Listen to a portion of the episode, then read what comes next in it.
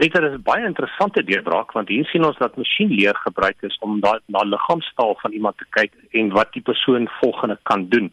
Dit ons as individue sal kyk na die liggaamstaal van die opponent op 'n squashbaan om te kyk waar die balletjie te plaas en wat die liggaamstaal van iemand is of die liggaamsposisie. Wat hierdie rekenaar dus kan sien is dat hy na die liggaamsposisie van 'n opponent kan kyk op 'n pingpongtafel of 'n tafeltennistafel en dan daarvolgens kan reageer en sekere aannames kan maak wat volgende kan plaasvind. So dis 'n tamelike groot deurbraak waar 'n masjienleer gebruik kan word om na die liggaamshouding of die posisie van 'n individu te kyk. Met ander woorde ons begin kyk nie net na gewone intelligensie nie, maar 'n soort van 'n emosionele intelligensie. Ja, ons sien dit alreeds met mikro-uitdrukkings. MIT het so 2 jaar terug 'n algoritme uitgebring wat dit in staat stel vir 'n rekenaar wat na 'n videobeeld of wat 'n video analiseer om die emosie van iemand vas te vang. Nou ons weet mikro-uitdrukkings, daar's 'n hele TV-reeks al reeds daaroor gedoen dat dit eintlik die werklike emosie van iemand kan uitdruk. En omdat 'n rekenaar so baie 'n hoë vlak van data kan verwerk, kan hy na 'n videobeeld kyk en uit mikroverwerking of mikro-uitdrukkings of 'n 30ste van 'n sekonde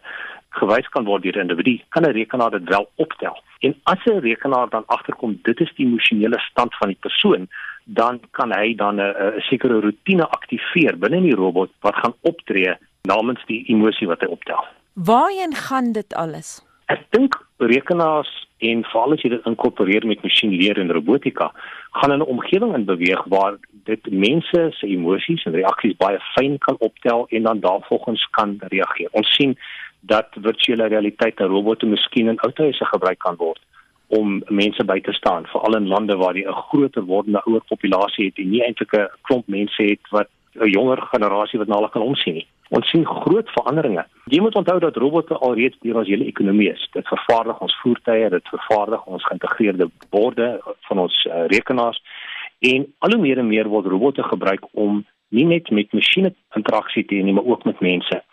En ek dink die grootste uitdaging is die aanvaarding van mense in terme van die robot en wat hulle kan doen. En ek dink een van die groot deurbrake is deur 'n maatskappy in Japan met 'n 'n klein hondjie gedoen. Wat beteken dat daar alreeds 'n vermenslike verhouding tussen ons en ons honde is dat dit miskien 'n klein bietjie makliker gaan wees om 'n verhouding met 'n robothond op te tel as wat met 'n ander robot wat soos 'n mens gaan lyk. Pieter, as ek sê waarheen gaan dit alles gaan? Waar sien jy byvoorbeeld die mensdom in 200 jaar? Hoe ver gaan ons gevorderd wees op hierdie pad?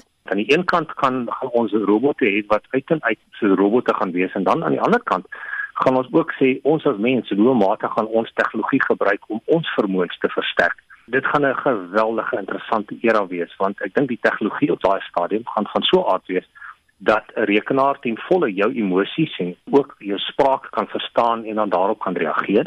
En aan die ander kant kan ons as mens gebreke wat ons in ons eie liggaam het, kan versterk met robotika en intelligensie. So ek dink 200 jaar is 'n baie interessante tydperk ek verstout my om te sê dat ons amper 'n nuwe era gaan inbeweeg en die hele idee van homo sapiens gaan moet herdefinieer.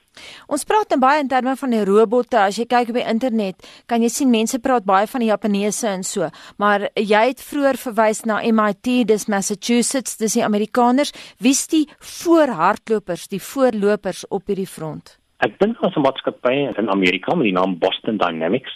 Hulle werk met die militêre deel van die regering in Amerika en hulle het al reeds 'n hele klomp robotte uitgebring wat kan bystaan in 'n oorlogomgewing.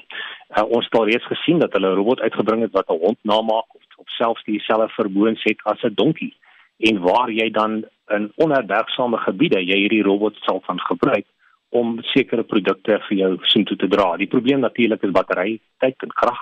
So die tydperk wat jy hierdie robot kan gebruik is nog nie daar nie, alhoewel die funksionaliteit alreeds ontwikkel is. Ons sien robotte wat alreeds uh, militêre vliegtuie oorneem en dat die volgende generasie van militêre vliegtuie robotbeheer sal wees. Robotika gaan 'n geweldige impak op ons lewens hê. Baie keer sien ons dit nie raak nie want dit gebeur agter die skerms. Maar robotte het alreeds 'n massiewe impak op aanlyn aankope want dit is robotte wat agter die skerms ons produkte uitkies en dan vir ons verpak en wat ons in die pos kry sodra ons iets aanlyn aankoop. So ons moet besef dat robotika geweldige impak op ons samelewing alreeds het en dat dit net gaan toeneem in die jare wat gaan kom. Pieter, sal robotte op hulle voete kan dink soos wat mense moet doen soms? Dis 'n baie baie moeilike vraag om te antwoord. Daar's 'n twee spalt in hierdie omgewing. Party mense dink dat net soos wat ons intelligensie op koolstofbasis kan plaas, en dat ons as mense het 'n koolstofbasis, sal ons dit na silikon toe kan oordra. Daar's 'n ander groepering wat sê dat die onbepaaldheid van mense se denke en die vermoë wat ons het om te kan voorspel wat iemand sal dink oor 'n dag van nou af nie eintlik geïnkorporeer kan word op 'n silikonbasis wat meer op die wêreld van fisika en op vooruitspelling gebaseer is nie. Ehm um, ek dink daar's 'n kompleksiteit in die menslike brein wat ons nie baie maklik op 'n silikonbasis kan gaan uitrol en kan posisioneer nie. Uh, daarom is ek nie heeltemal belyn met die skool wat dink dat ons menslike intelligensie na 'n silikonbasis sal kan oordra nie, maar ek neem ook aan daar's 'n hele klomp ander persone wat uh, nie met my gaan saamstem nie. Sou robotte dieselfde foute kon maak as wat mense doen, sal 'n robot net so intelligent wees soos die programmeerder wat hom of haar skep. In tye wat kom en in sekere instansies ja, dit beteken dat 'n baie nou gesette rol daar geposisioneer word vir intelligensie. As ons byvoorbeeld na masjienleer gaan kyk, dan sien ons dat die masjienleer algoritmes nou deur ander masjienleer algoritmes in lewe geroep word. En dit beteken dat die met die krag van verwerkingskrag jy in sekere aksies en funksies baie vinniger tot 'n uh, 'n antwoord gaan kom as wat 'n mens sou kan kom.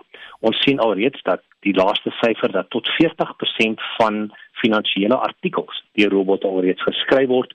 Dieselfde persentasie sien ons dat sportjournalistiek met masjienleer vervang word. So ons sien 'n hele klomp werk jy weet veral as jy werk repeterend van aard is, dis dieselfde ding wat jy oor en oor doen, dan uh, staan dit 'n baie goeie kans dat 'n uh, masjienleer of 'n rekenaar jou werk gaan vervang. In terme van die intelligensie wat ons het, die innoverende denke om dinge anders te doen en om nuwe geleenthede te ontsluit, gaan ons nie van 'n robot af kry nie. Ek dink dit is juist waar mens nog koning gaan kry.